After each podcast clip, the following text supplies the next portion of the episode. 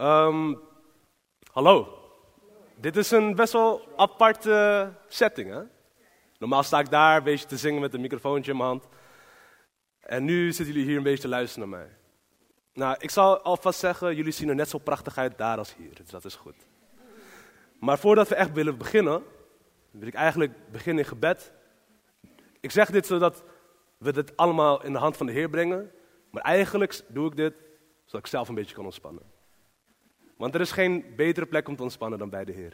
Toch? Dus.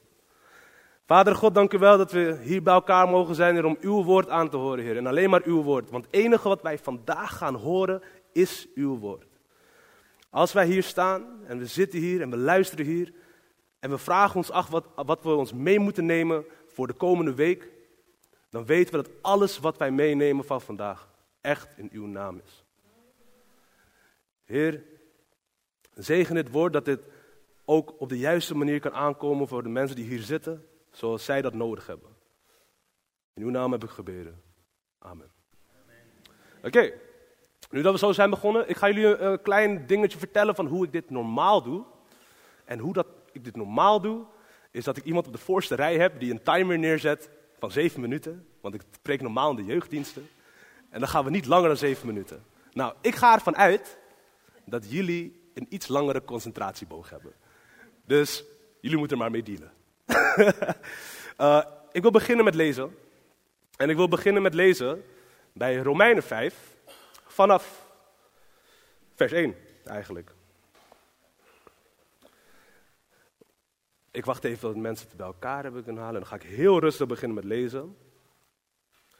En wij dan, gerechtvaardigd uit het geloof, hebben vrede met God door onze Heere Jezus Christus, door wie wij ook toegang hebben, verkregen in het geloof, tot deze genade.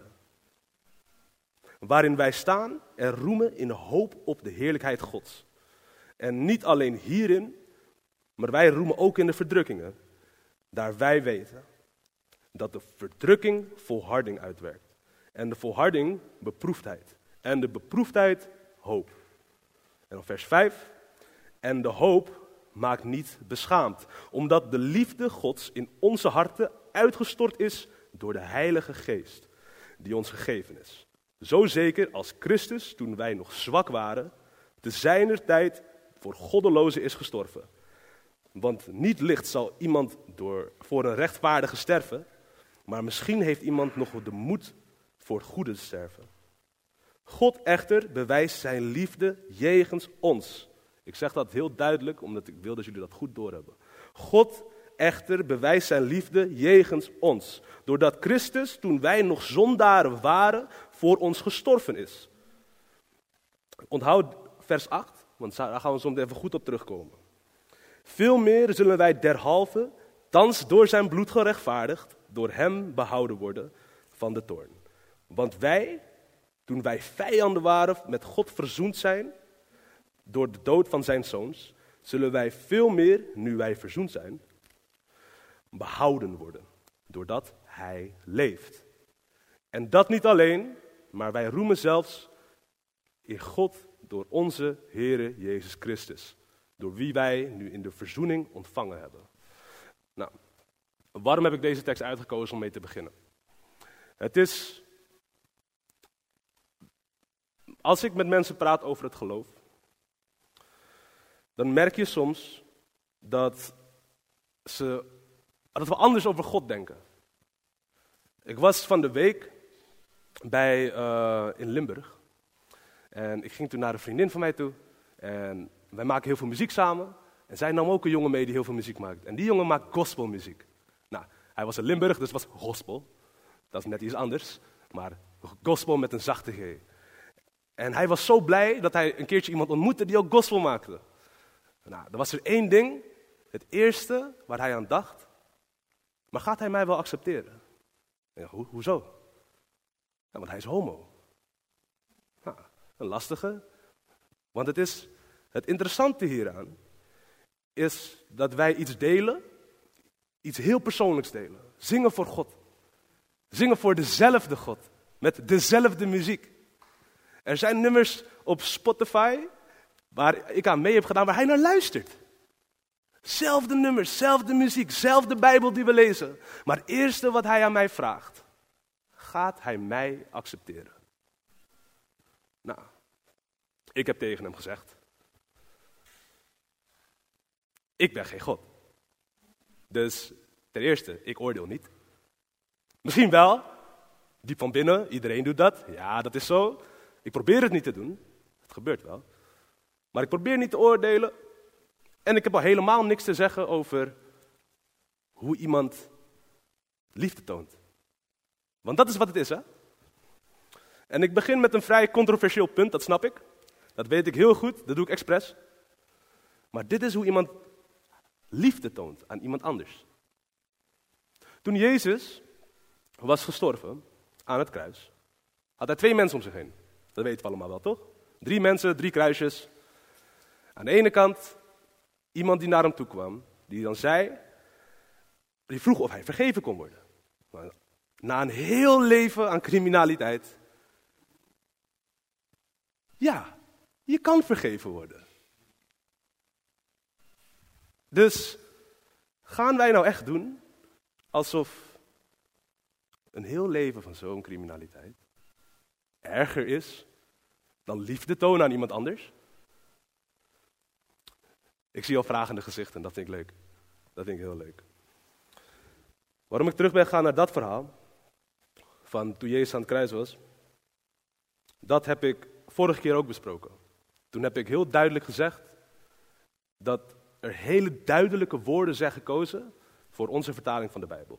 Want in elke vertaling van de Bijbel staat er altijd: het is volbracht. En toen hebben we het gehad over wat woorden betekenen in het Nederlands en waarom het deze drie woorden zijn en geen enkel andere zin. Want ik heb toen laten zien dat het de voltooide verleden tijd is. De voltooide tegenwoordige tijd is. Sorry. Het is volbracht. Voltooid, dus het is gebeurd. Tegenwoordige tijd, want het is nog van toepassing. Een voorbeeld, ik ben naar werk gelopen. Ja? Ik ben naar werk gelopen, dus dat heb ik vandaag gedaan. En ik ben misschien nog moe, dus er is nog wel iets van toepassing. Als ik zeg ik was naar werk gelopen, heb ik misschien nu een auto gekocht. Snap je? En dan ga ik niet meer naar werk lopen. Heel simpel. Nou, om dat even terug te pakken naar deze tekst, zei ik hier. Uh, vers 8. God echter bewijst zijn liefde jegens ons, doordat wij zijn lief, uh, doordat, doordat Christus, toen wij nog zondaren waren, voor ons gestorven is. Het mooie aan de Nederlandse taal is dat hier nu twee tijdsbepalingen zijn in één zin. Break it down. Doordat Christus, toen wij nog zondaren waren. Nou, dat is voltooid verleden tijd. Iets wat gebeurd is, maar niet meer van toepassing is. En direct daarna, voor ons gestorven is. Voltooid, tegenwoordig. Nederlands taal is mooi, hè? Ja, heel duidelijk. Heel duidelijke taal. Dus, maar wat betekent dat? Wat betekent het voor ons gestorven? De zondaar is gestorven, maar ik zondig nog steeds. Ik zeg jullie heel eerlijk, ik drink er ook nog. Dat is gewoon zo. Er zijn goede avonden voor mij geweest. Ja, en ik denk ook niet dat dat heel snel gaat stoppen. Ik, uh, ik doe genoeg dingen die fout gaan. Weet je? Jullie zien mij hier misschien wel op zondag en denken oh ja, die jongen, wat een goede jongen. Wordt uh, opgevoed door Astari, dus dat moet wel goed komen.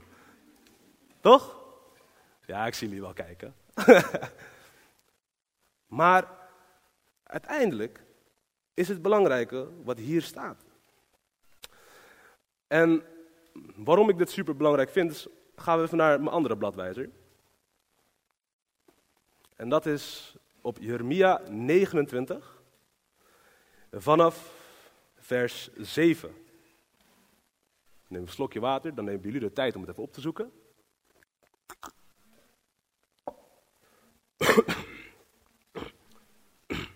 Vers 7.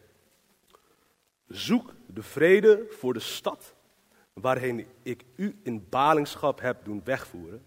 En bid voor haar tot de Heer. Want in haar vrede zal uw vrede gelegen zijn. Want zo zegt de Heere der Heerscharen, de God van Israël, laat uw profeten die in uw midden zijn en uw waarzeggers u niet misleiden. En luistert niet naar uw dromers, die gij laat dromen, want zij profiteren u vals in mijn naam. Ik heb hen niet gezonden, luidt het woord des Heeren. Want zo zegt de Heer, nee, als voor Babel 70 jaren voorbij zullen zijn, dan zal ik naar u omzien en mijn heilrijk woord aan u in vervulling gaan. Uh, vervulling doen gaan door u naar deze plaats terug te brengen. Want ik weet welke gedachten ik over u koester, luidt het woord des Heren. Gedachten van vrede en niet van onheil, om u een hoopvolle toekomst te geven. Dan zult gij mij aanroepen en heen gaan en tot mij bidden. En ik zal naar u horen. Dan zult gij mij zoeken en vinden. Wanneer gij naar mij vraagt met uw ganse hart. Dan zal ik mij voor u laten vinden, luidt het woord des Heren. En in uw lot één keer brengen, dan zal ik u verzamelen uit alle volkeren en alle plaatsen waarheen ik u verstoten heb, luidt het woord des Heren. En u terugbrengen naar de plaats van waar ik uw ballingschap heb doen wegvoeren. Je ziet hier iets vrij interessants. En um, elke keer aan de tweede helft van de vers wordt er gezegd: Luid het woord des Heren. Waarom? En even voor context: dit is een brief naar de mensen uh, in Babel, waar de hele hoge toren werd gebouwd. Mensen zijn overmoedig geworden. Dat is een beetje de context van waar deze brief naartoe gaat. Uh, maar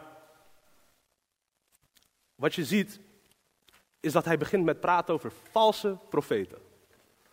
En het is vrij lastig om te praten over valse profeten als je zelf aan het preken bent. Waarom? Is omdat je niet zeker weet of je er zelf eentje bent. Ja, dat is lastig. Het is makkelijk om een valse profeet te worden, namelijk. Uh, en hoe we daar komen om ervoor te zorgen dat je geen valse profeet wordt, hoop ik dat ik het weet, ga ik het even hebben. Want bovenaan mijn preek, ben ik een beetje vergeten te zeggen, staat ontspan in de naam van Jezus. En wat ik daarmee bedoel, is precies zoals het hierin staat. Bij vers 9, want zij profiteren uw vals in mijn naam. Ik heb hen niet gezonden, luidt het woord des Heren. Vals profiteren in de naam van God. Dat kan op heel veel manieren. Dat kan niet alleen maar op de manier die hier, dat ik hier sta en allemaal misinformatie aan jullie geef. Dat kan namelijk ook als ik gewoon met mensen praat. En als mensen, vooral bij mij bijvoorbeeld, naar mij toe gaan en denken dat ik veel weet over het geloof, omdat ik al mijn hele leven erin zit. En dat ik dan per ongeluk wat verkeerd zeg, wat zij helemaal verkeerd opvatten. Zo klein kan het gaan. En daarom wil ik een beetje praten over bediening. En hoe we daarin navigeren. Want voor jullie hier, nou, de meeste mensen hier, als ze komen op zondag, dan komen we binnen, pakken we onze koffie, gaan we praten met elkaar, gaan we de dienst volgen terwijl we zitten op onze stoel, dan weer opstaan, koffie pakken, weer praten met elkaar in huis. Toch? Vrij normale zondag. Voor de mensen die hier komen om te bedienen, ik heb dat nooit, namelijk. Altijd is het een beetje haasten dit, haasten dat, haasten zo. En in al die haast hopen dat alles wat ik daar normaal zing en nu ook praat, goed aankomt. Of alles wat ik doe, nog steeds in het goddelijke karakter is. Nou, er is eigenlijk een, ik zou zelf zeggen, een vrij simpele manier. Andere mensen vinden dat een vrij lastige manier om hierin te navigeren. En dat is volledige overgave. Wat jullie niet weten, behind the scenes bij de kerkband, is leuk. Als wij hier staan, dan bereiden wij zes liedjes voor. Elke week, zes. Wie van jullie weet wanneer de laatste keer is dat wij zes liedjes hebben gedaan? Nee, we komen dichter bij de 16. Klopt. En hoe komt dat? Dat komt omdat wij een systeem hebben waarbij ik een hand omhoog doe en ze volgen maar. En mensen vragen dan ook aan mij, bij de kerk, bij de, bij de band, hey, kan je niet gewoon van tevoren al een, een, een lijstje maken wat dingen die we misschien daarna gaan doen? Nee, is niet in mijn hand. is niet in mijn hand. Is dat misschien een excuus, zodat ik niet nog meer hoef na te denken over de liedjes? Ook. Ja, zeker. Maar het zorgt er wel altijd voor dat alles in banen geleid wordt, zonder dat ik er te veel mijn hand in wil zetten. Want hoe meer ik van mijzelf laat zien, hoe minder ik van God laat zien. Mijn filosofie bij het worshipen is anders dan andere mensen, maar meestal als ik het uitleg, dan denken zij, ha, klinkt eigenlijk vrij logisch. Want wat ik eigenlijk probeer te doen op dit podium, en dat is dus hoe ik probeer geen valse profeet te zijn, is om een spiegel te zijn. Een soort van een spiegel tussen, als je hier een spiegel zou neerzetten, en die kijkt terug naar jullie, dat je de atmosfeer van de zaal, de atmosfeer die God brengt, duidelijk kan maken in de zaal. Want alles gebeurt heel mooi van binnen. Ik krijg alles binnen. Ik krijg, God, voelt alsof God tegen me spreekt terwijl ik zing. Alsof ik een nieuwe extra lucht erbij krijg. Alsof het zo mooi is. Ik krijg een lach om mijn gezicht. Jullie zingen super hard mee. En alles voelt goed. Maar het voelt goed op een andere manier dan als ik op een normaal optreden zing. Want dat is ook gewoon mijn andere werk. Gewoon zanger. Weet je, als dan een publiek meezingt, ja, voelt leuk, voelt goed, maar het voelt niet voldaan. Je voelt niet alsof je daarna je hele week tegemoet kan gaan. Alsof je lekker je week ingaat en je denkt, ik heb kracht. Dus de manier waarop ik ervoor probeer te zorgen dat het zo puur mogelijk blijft, is door zo min mogelijk te doen. Klinkt gek, toch? Normaal moet je hard werken voor je plek, hard werken om alles te vinden. Maar als we weer terugkijken naar wat hier staat, en ik weet niet meer zeker of het in deze staat of in die andere tekst, uit mijn hoofd, dan, kijk, ja, vers 14 van Jeremia 29, nee, vers 13, doe ik maar. Dan zult gij mij zoeken en vinden, wanneer gij naar mij vraagt met uw ganse hart.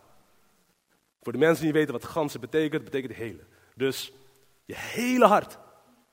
100 procent. Niet 20 procent. Niet 30 procent. 100 procent. En dan nog een belangrijkere tekst. Daarna, vers 14. Dan zal ik mij door u laten vinden, luidt het woord des Heren. En in tot u een keer brengen. Dan zal ik u verzamelen het alle ja, dan is het weer wat specifiek ba uh, babeldingetjes. Maar je snapt het punt. het zijn twee dingen. Eén, je ganse hart overgeven. Twee, snappen wanneer de Heer zich laat vinden. En hier is de grap. De Heer laat zich altijd vinden. Elke dag. Het is alleen dat wij niet altijd met ons ganse hart zoeken. Soms komen we hier binnen met 80% hart, 70% hart. Ik kom niet altijd binnen met 100% hart. Echt waar, ik ga eerlijk. Weet je, als ik daar op het podium sta en jullie zingen weer zo hard mee, dan bedenk ik weer, wauw, oké, nu zie je wel 100%. Want we vullen elkaar aan. Dat is, dat is een beetje de behind the scenes van het kerkwerk. We zorgen ervoor dat we in een situatie komen waarin wij allemaal zo comfortabel mogelijk zijn om God te aanbidden. Of dat nou is omdat Angelique achterin de koffie aan het doen is. Dat is haar manier. Oh, ze zit er niet. Ze is de koffie aan het doen. Maar of iemand nou de koffie aan het doen is, of iemand naar achter het geluidspaneel zit, of mensen op het podium staan. Wij creëren een atmosfeer waarin God tot ons kan spreken. Om, wat ik ook vergeet soms, is hoe hard jullie eigenlijk meezingen. Er is geen, er is, ik heb op heel veel plekken gezongen, maar er is geen enkele plek waar ze harder meezingen dan bij Christen Gemeente Nieuw Leven. Dus, dus, je was er ook perfect bij. ik, ik, zag, ik zag het gaan. Als we hier een live band hadden vandaag, dan was je misschien helemaal uit je plaat gegaan. maar er is geen plek waarbij, ze dat, waarbij het zo hard wordt meegezongen. Waarom? Is omdat, er, omdat ik tot nu toe nog niet op een plek ben geweest waarin het daadwerkelijk zo goed met elkaar vloeit. Wanneer je God ook echt het werk laat doen. Jan en ik hebben het er wel eens over. Over dat wij nooit echt een plan hebben voor een dienst. Hadden, uh, anderhalve week geleden gingen wij praten.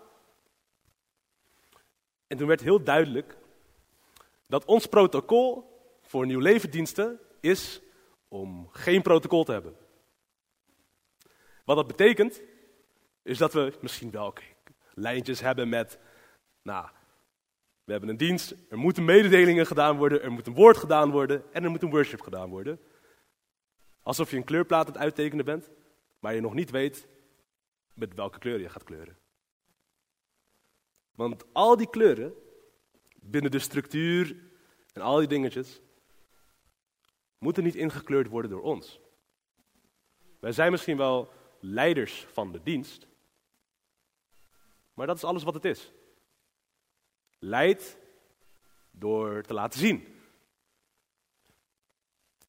Ik kan hier wel heel veel dingen zeggen over het woord en hoe mooi God is. Of jullie kunnen naar me kijken en zien dat ik met een lach loop. Heb ik het mooiste leven wat er is? Nee. Nee, echt niet. Maar ik heb wel God die met me meeloopt. Als we één tekst hierin, ik even goed wil terughalen. En dat is terug naar vers,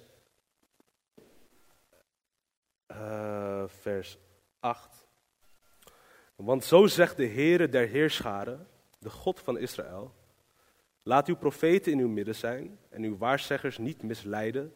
Luistert niet naar uw dromers, want gij laat dromen. Want zij profiteren u vals in mijn naam. Ik heb hen niet gezonden. En dan luidt het woord, zo luidt het woord des Heren. Er wordt hier duidelijk gezegd dat er valse profeten zijn. Maar iets later wordt ook heel duidelijk gezegd wat voor boodschap echte profeten hebben. Uh, dat is vanaf vers 11. Want ik weet welke gedachte ik over u koester, luidt het woord des Heren. Gedachten van vrede en niet van onheil, om u een hoopvolle toekomst te geven. Hoopvolle toekomst is een ja, arbitrair begrip, misschien wel. Wat is hoopvol? Hoe ziet hoopvol eruit? Hoopvol is eigenlijk helemaal niks. Hoopvol is alleen maar een gedachte. Een idee waar je naartoe werkt. Wij zingen in deze kerk vaak het nummer Omdat Hij leeft. Ben ik niet bang voor morgen. Maar in de Indonesische versie is hij eigenlijk een stuk mooier. Want in de Indonesische versie zeg je, Spabja hidup, hidup ada hari esok. Dat betekent, omdat hij, omdat hij leeft, is er een morgen. Ik heb dat altijd veel mooier gevonden. Want echte hoop, echte hoop die God brengt, geeft je niet alleen maar kracht om morgen aan te kunnen. Maar het geeft de kracht van de hele wereld dat de morgen überhaupt is. Dat is hoe groot die kracht van God is. Soms beschrijft mijn moeder. Ja, ik vind het leuk om haar een beetje erbij te betrekken, want normaal geeft ze mij als voorbeeld. Maar mijn moeder die zegt dan wel eens: Mijn God is alles. Alles. Weet je hoeveel alles is? Echt veel. Alle dingen. In iedereen. Alle prachtige dingen in de wereld. En alle minder mooie dingen worden weer mooier omdat God er wel bij is. Stel je voor als God er niet bij was. En dan zijn er toch mensen die geloven dat God die boeman is over onheil, onvrede, niet geaccepteerd willen worden omdat je bent zoals je bent. Maar als wij zingen van ja, het vorige nummer hier, de goedheid van God. Ik, uh, ik, ik luister dat nummer nu echt elke dag. Echt elke dag. Er zitten zes verschillende versies van dat nummer in mijn Spotify-playlist. Ik hou van dat nummer. Jullie hebben het ook gezien. De laatste paar weken heb ik dat nummer ook vaak gezongen hier.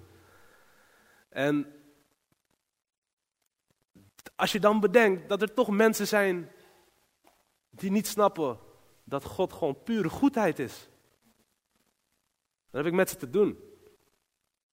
Want stel je voor dat je iemand aanbidt, voor iemand leeft, en je dan bedenkt, maar die, diegene accepteert mij toch niet. Kan je het voorstellen? Ik het niet namelijk. Ik kan me niet voorstellen, gewoon puur omdat ik altijd al geliefd heb gevoeld door God. Zelfs in de zwakke tijden, wanneer, ja, toen mijn vader overleed en dat soort dingen. En we allemaal dingen moesten regelen met papieren en zo. Sommige dingen lijken uitzichtloos. Maar omdat hij leeft, is er een morgen. En ja, mijn preken zijn een stuk korter. we zijn al bijna aan het einde. En ik hoop dat jullie alles meekrijgen van wat ik heb gedeeld. Maar het laatste wat ik nog wil meegeven, is een voorbeeld wat ik had van mijn oma. Nou, we kennen allemaal mijn moeder. De meeste mensen tenminste. Maar uh, er is nog één iemand daarvoor geweest die er heel veel op leek. en zij was een beetje van de wat oudere garde. Maar zij eindigde elke dienst precies hetzelfde. Er was één liedje wat uh, vertaalt naar Vader, wij danken u. Mijn Vader in de hoge hemel. Wij danken u. Dat is alles. Twee zinnen. En ik kan me nog voorstellen precies hoe ze daar staat. Ze, ze, ze, ze, kijkt naar, ze kijkt naar mijn oom. En zegt. Papa, terima kasih. en elke keer was de timing weer anders van het nummer, elke keer dat ik het hoorde. Ik heb het nu al 200 keer gehoord, maar het was elke keer anders. Maar ze zong het met zulke volle overtuiging. Vader, dank u. En ze zong dat in een kerk, kleiner dan dit. Er soms misschien maar zes mensen aanwezig, waarvan drie familieleden waren. Tussen twee grote moskeeën in, op de straten van Indonesië. Vader, wij danken u. Dat is bediening. Dat is ja, ik, ik, ik, ik, zou, ik zou normaal wat grovere taal gebruiken terwijl ik bij de jeugd was. Ik heb mezelf even gestopt. Um, vanaf de straat kunnen schreeuwen, Vader, wij danken u. Dus wat ik aan jullie vragen, ik ga jullie een uitdaging geven. Ik ga jullie uitdagen om dit, deze week in te gaan. En zodra je op je, als je denkt dat je bij je zwakste moment bent, Dan gewoon hardop, hè? Hardop. Vader, ik dank u. Mijn Vader in de hoge hemel, ik dank u. Wat je daarna zegt, maakt mij niet uit. Maar hoe jij je voelt daarna, denk ik oprecht dat je veel beter gaat voelen. En ik hoop dat jullie onthouden, omdat Hij leeft, is er een morgen. Dus ontspan in de naam van Jezus. Dankjewel.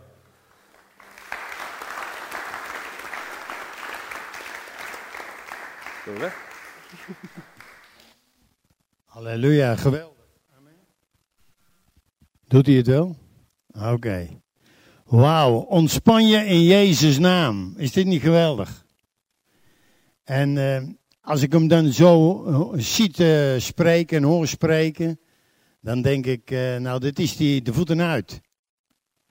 Soms komt hij inderdaad zondags binnen en dan gaat hij daar op het podium staan. En dan, dan kunnen we vragen, joh, welke liederen dan we gaan doen. En meestal weet hij dan gewoon nog niet. En dat is ook hetgeen wat hij bedoelt. Gewoon je laten leiden door wat God uiteindelijk wil. En dat vind ik ook niet zo raar. Want als, als we uiteindelijk weten dat we uit genade behouden zijn. Hè, dus wij hoeven er zelf even niets meer aan te doen. Dat heeft hij allemaal gedaan. En dat er een koninkrijk is waarin wij geboren zijn, waar ons ook niets meer kan overkomen, dan kan het niet anders. Of dat moet altijd goed aflopen. Want hij zegt in Romeinen, ik zal alles medewerken ten goede. En dan zegt hij niet voor niets. En wat hij ook nog zegt, hey, als je ergens in tekort komt, hey, dan heb ik een voorspraak bij de Vader, Jezus de Christus. En uiteindelijk weten we allemaal hey, dat Hij gewoon met ons is en, niet tegen ons is. Als we naar Jezus kijken, in Johannes 3, vers 17, dan zegt hij, hey, ik ben om je te behouden. Ik ben je niet om te beoordelen, maar om te behouden. Dus daarom, een geweldig het thema, hey, wees ontspannen. En ook een geweldige opdracht die we gekregen hebben. Als het even niet goed gaat, dank God. Omdat Hij het gedaan heeft. Het is volbracht. Amen. Zullen we erbij gaan staan? Dan gaan we gewoon lekker afsluiten. Dan gaan we Hem aanbidden. Dan gaan we Hem eren. En er zijn mensen die willen nog gebeden hebben. Dan kom gewoon lekker naar voren. En we gaan gewoon zien wat God gewoon gaat uitwerken. Dank u wel, Vader, dat u zo spreekt. Dank u wel dat u zo ons tegemoet komt. En wij willen gewoon u aanbidden. We willen u gewoon eren. We willen u gewoon aanroepen. Vader, en als we in de bediening van, van gebeden gaan, dan geloof ik dat u raakt, aanraakt en dat u iets vrijzet waar we tot in eeuwigheid op door kunnen borduren. In de naam van Jezus. Dank u Jezus. We prijzen u koning.